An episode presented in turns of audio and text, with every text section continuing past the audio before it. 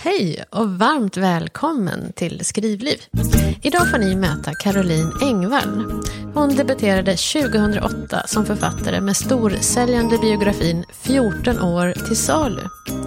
Sedan dess har hon skrivit många hyllade böcker som belyser ungas utsatthet. Och nu är hon superaktuell med Dockleken. Vad den handlar om och hur man sticker ut som författare och varför hon slåss för att orka. Det får ni höra här. Ska, du, ska vi börja med att berätta vem du är? Ja, Caroline Engvall heter jag och är eh, författare, journalist i botten och eh, föreläsare. Ehm, specialiserad på sexualbrott mot barn på nätet. Det där är så spännande. För va, liksom, hur kommer det sig att man specialiserar sig på det, tänker du? Eller hur, du?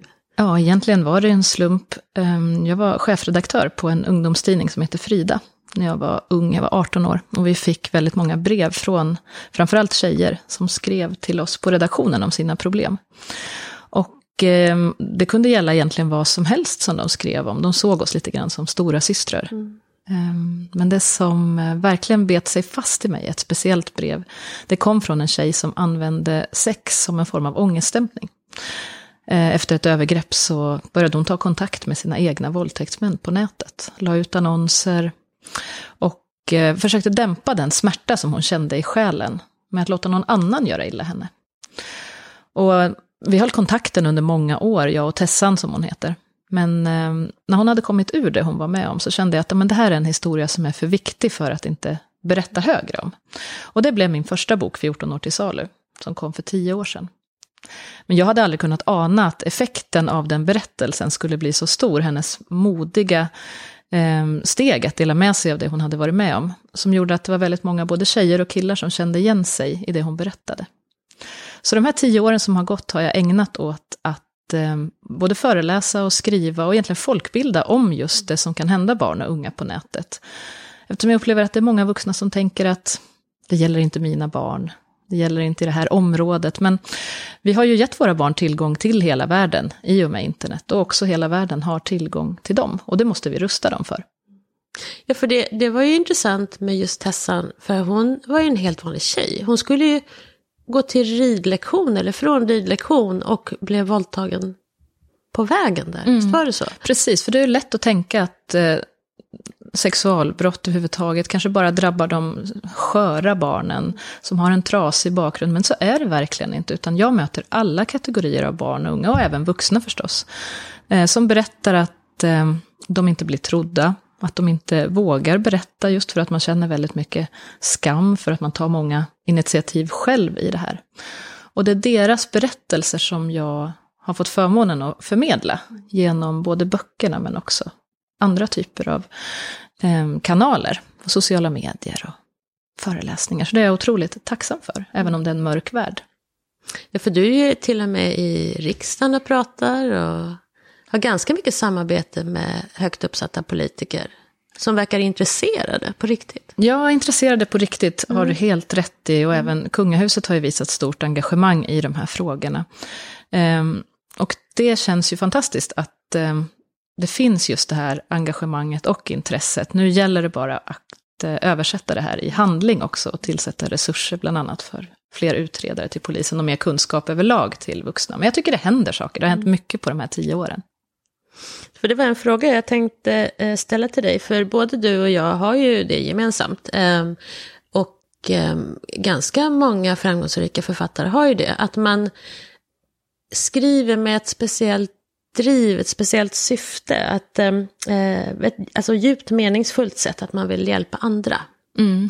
Och ehm, för mig blir ju också det en del av eh, att få ur mig det som jag tar del av, för det är ju en jag har öppnat en dörr till någonting som jag inte kan stänga. Och eh, för många så skulle det här vara ganska outhärdligt att ta del av de saker som, som jag faktiskt tvingas göra egentligen dagligen. Men jag tänkte på det här om dagen när jag satt och, och skrev. Eh, jag hade läst en dom som var helt obegriplig. Hur man hade friat en man för förberedelse till våldtäkt mot barn.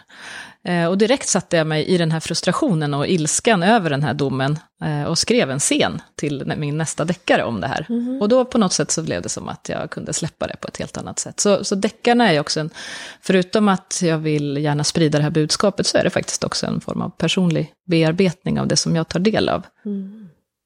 Det är ju bra. Det känns fantastiskt att kunna få ha den kanalen. Ett utlopp för för det som händer i världen och som faktiskt händer runt omkring oss just i detta nu. Men som många av oss faktiskt vill blunda för, för att det blir allt för jobbigt. För det är ju någonting när man skriver ner det så blir det, man kan sortera i det på ett mycket bättre sätt när man får ner det på papper. Ja, och också vetskapen att fler får ta del av det. Mm. Och att vi faktiskt med gemensamma krafter kan stoppa det som händer. Mm. Eh, du är aktuell nu med din eh, senaste bok Dockleken. Ja. Vad handlar den om? Eh, den handlar om den ganska fina balansgången mellan vem som är ett offer och vem som är en förövare. Mm. Och eh, jag är faktiskt väldigt stolt över den här boken. Den gick fort att skriva. Den, jag hade den på något sätt inom mig. Den rann ur mig på tre månader faktiskt. Och då har jag ändå tre barn och en massa resor som pågår överallt. Eh, så den här boken ville verkligen ut. Och jag har också hämtat väldigt mycket av mig själv i den här. Så jag är så spänd på att eh, den nu ska komma nästa vecka faktiskt. Och idag ska jag få känna på den för första gången. Den ska komma hit? I en låda? Eller? Ja, jag ska åka till den här lådan. Du ska få klämma på den. Och, ja, jag, jag, har inte fått läsa den än ju. Nej. Nej så det, jag ser också fram emot att få... Ja, men tack. Ja. Och, och vilken bok i ordningen är det här som du har skrivit? Det är nummer eh, åtta som jag har skrivit. Mm. Mm. Börjar du se att du har ett mönster när du skriver på något sätt? Alltså har du... Ja, det är min tredje deckare. Och mm. eh, jag har fått frågan under många år om att skriva en deckare. Eh, och också själv varit sugen men avstått eftersom jag har känt att ja, jag har hållit mig till fackböckerna. Jag har velat skriva om eh, ja, men det som händer på riktigt. Och det tog ett tag för mig att inse att jag faktiskt kan översätta det här budskapet också in i fiktionens värld och att det kan bli effektivt mm. att göra det. Mm. Så att nu är jag så inspirerad och peppad på att fortsätta på det här deckarspåret, för det är otroligt kreativt få just blanda fiktion och verklighet. Och faktum är ju att verkligheten rätt ofta överträffar fiktionen. Och sen är det en frihet också kan jag tänka mig med att man kan berätta saker på um, ett lite enklare sätt. Men också att man kan ta med saker som man egentligen inte får skriva. Mm. Um, därför att man um, eh, kallar det roman eller deckare. Ja, men precis. Som journalist så är det ju en eh, fantastisk möjlighet att också få dyka in i världar som eh, kanske en, en, vanlig journalist kanske inte har fått eh, ta del av tidigare. Så jag har ju mycket samarbete med poliser och åklagare och får mm. sitta med dem som en liten skugga och lyssna. Mm. Och du har ju en... Eh, deckarskola nu också eh, på Southside Stories. Mm. Och det är riktigt bra tips. Eh, och där är ju en av grejerna är ju hur man gör research. Mm. Och du tipsar rätt mycket om att man ska göra studiebesök. Mm. Berätta, hur, berätta om något bra studiebesök som du har gjort. Ja, jag upplever att eh, de flesta ställen där jag har gjort studiebesök inför deckare är väldigt välvilligt inställda till att man som författare kommer och hänger med. De tycker det är ganska roligt. Eh, förra sommaren så hängde jag en natt på akuten på Södersjukhuset och fick vara med och ta del av allt som hände där. Och jag har gjort otaliga besök på Stora polishuset på Bergsgatan och kan ljudet i korridorerna, hur låter kopieringsmaskinerna, hur ser whiteboarden ut, var hänger den? Eh, och att sitta där och bara lyssna och ta del av hur jargongen går, språket, hur skämtar man, vad äter man i fikarummet? Alltså det är otroligt roligt och jag kan verkligen, verkligen rekommendera eh, dig som har minsta lilla intresse av att skriva, att ta tag i det. För man behöver planera in tid för att skriva, precis som man gör för att träna eller gå på barnens fotbollsträningar så behöver du ta din egen tid just för att skriva, för att få det gjort. Och hur gör du för att, vad är dina bästa tips där till att få tid att skriva? Jag skriver överallt och jag skriver även om jag vet att jag kanske bara har fem minuter. Så um, jag har börjat skriva ganska mycket i mobilen, i anteckningsform. Eh, just för att jag kanske inte alltid har möjlighet att ta upp laptopen var jag är, till exempel på en tågstation eller en busshållplats. Så jag har väldigt mycket anteckningar i mobilen som jag sen mejlar till mig själv och för in i manus. Så varenda litet tillfälle tar jag till att skriva.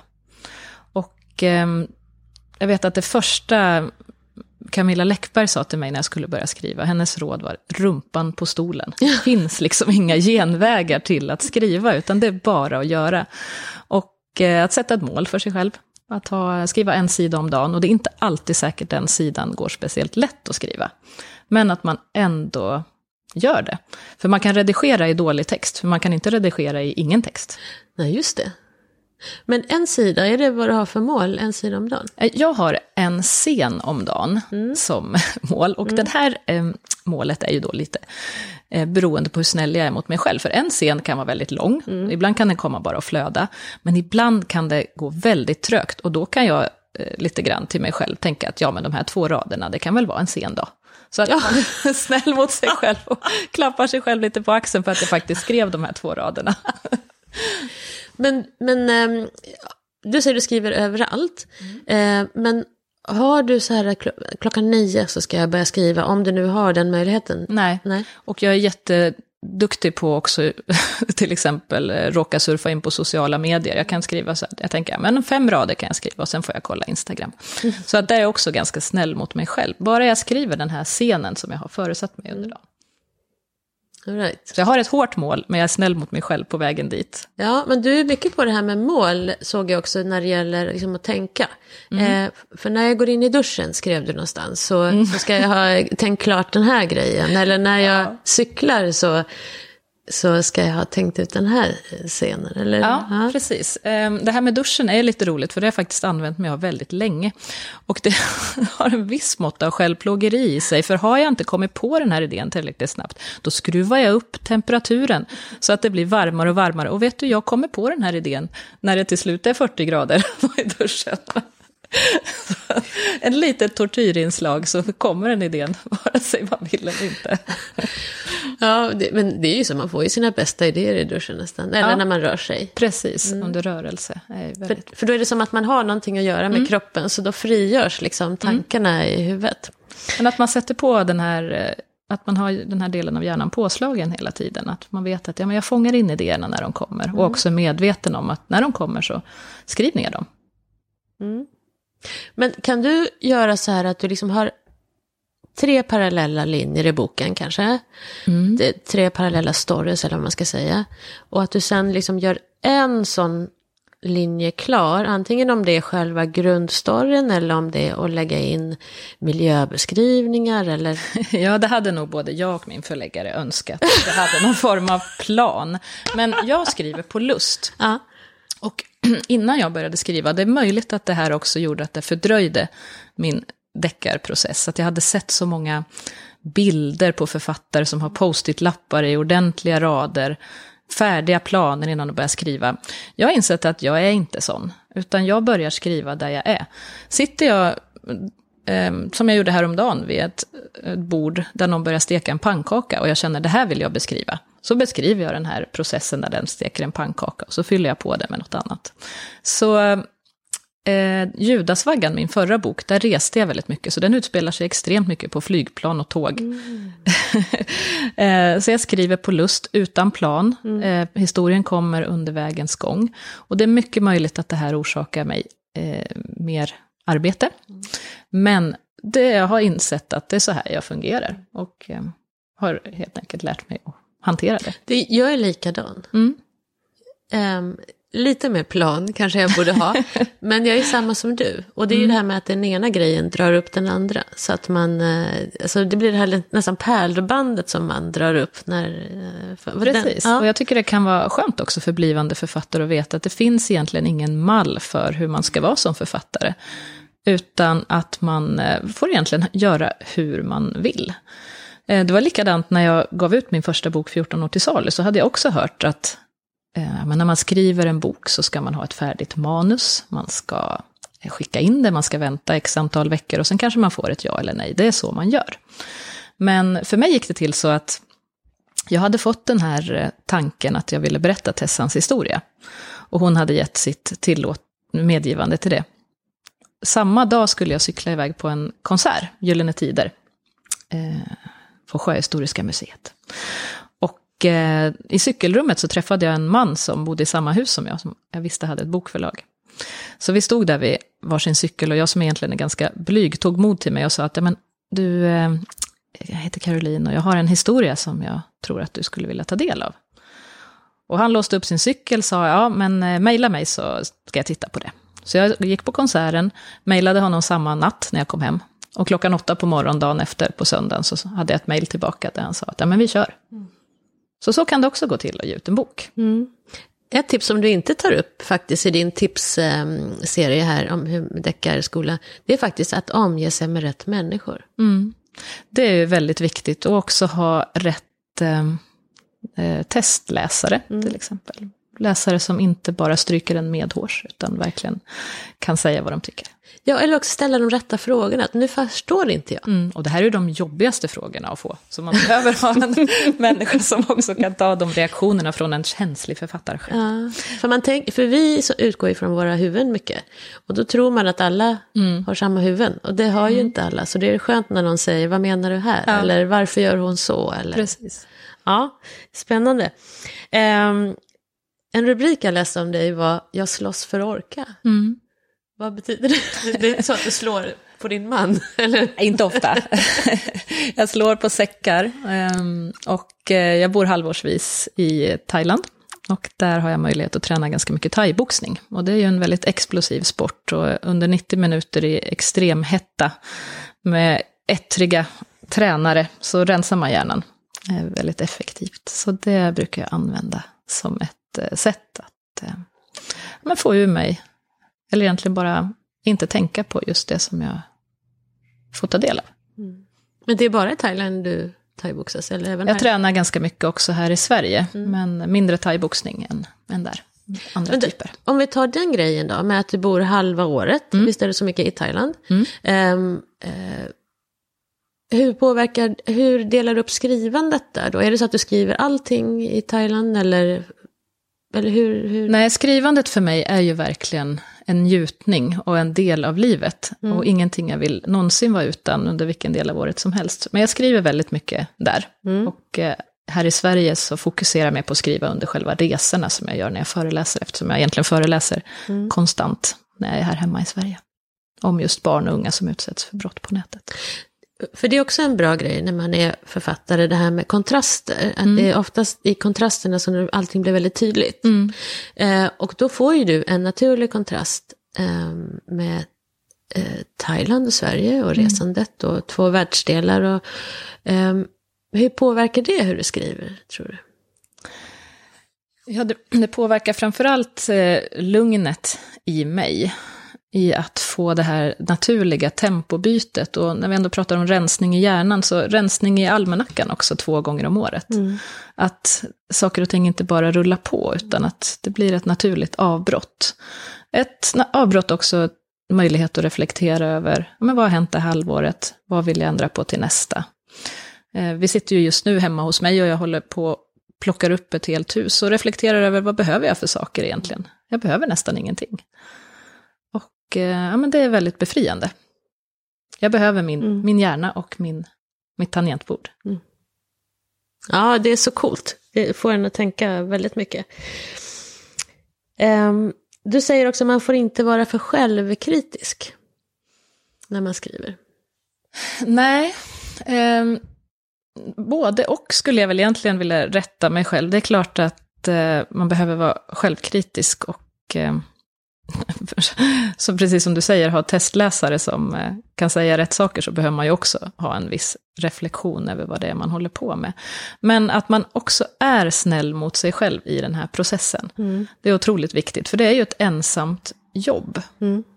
Eh, många gånger. Och hela historien finns bara i ditt huvud. Det är du som vet var den ska ta vägen, det är du som har ansvar för dina karaktärer och hur de beter sig.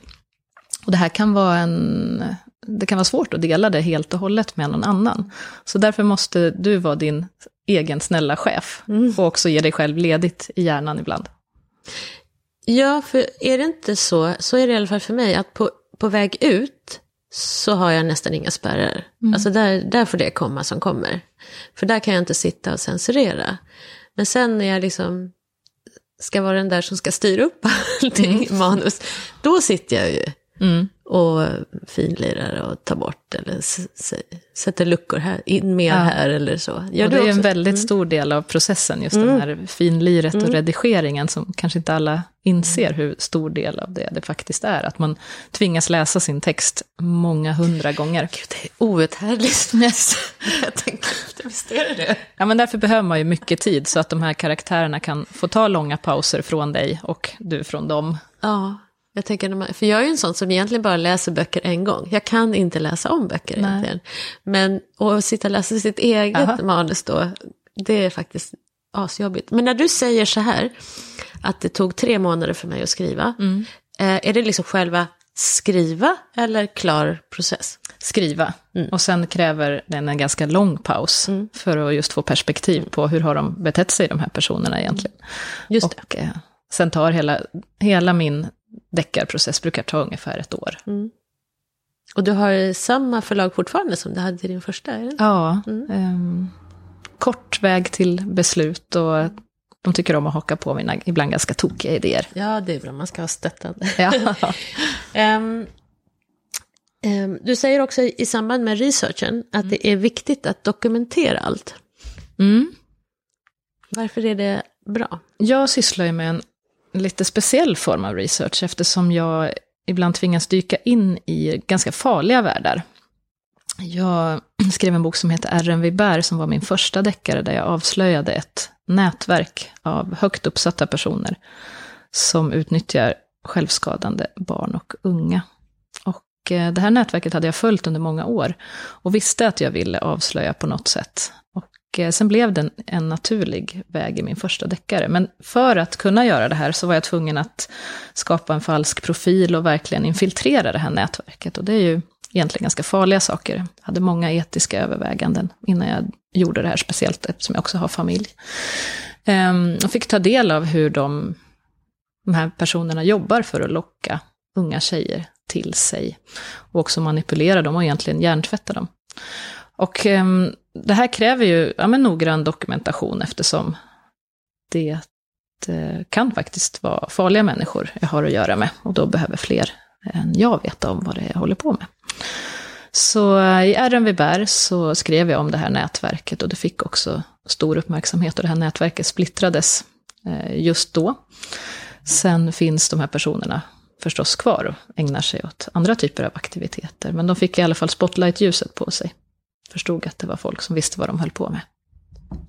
Så, så det kan ju vara en anledning till att man vill eh, alltså ha papper på så att det inte bara är sånt man hittar på eller tror, eller om det nu är det, research.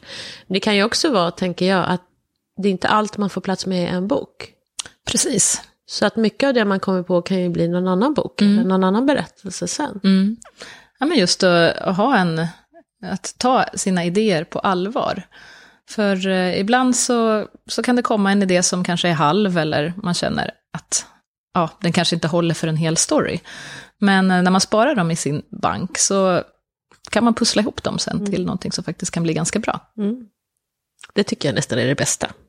Man, det är som att sy grejer eller så, då får man ju alltid lite extra så man kan sy något annat. Ja, men jag brukar beskriva det här deckararbetet som ett maratonlopp och ett tusenbitars pussel. Och det lustiga är att jag varken gillar att springa långt, eller att lägga pussel, eller att sy.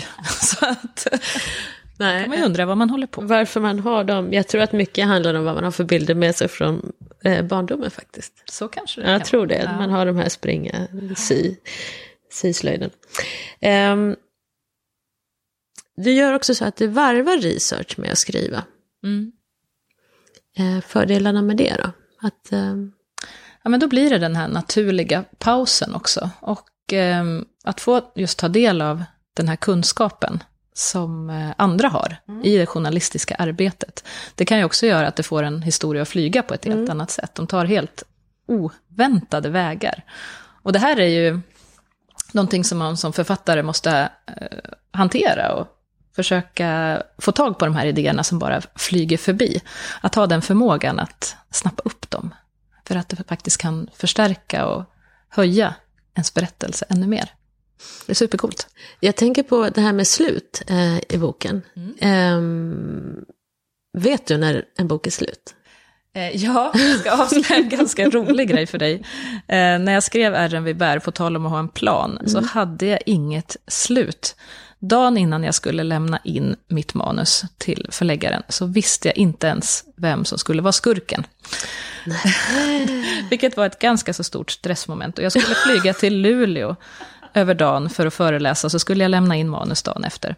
Och på flygresan hem, på tal om att ha en deadline, så kläckte jag hela sista slutdelen och bara skrev i ett långt flöde på flyget och i taxin hem.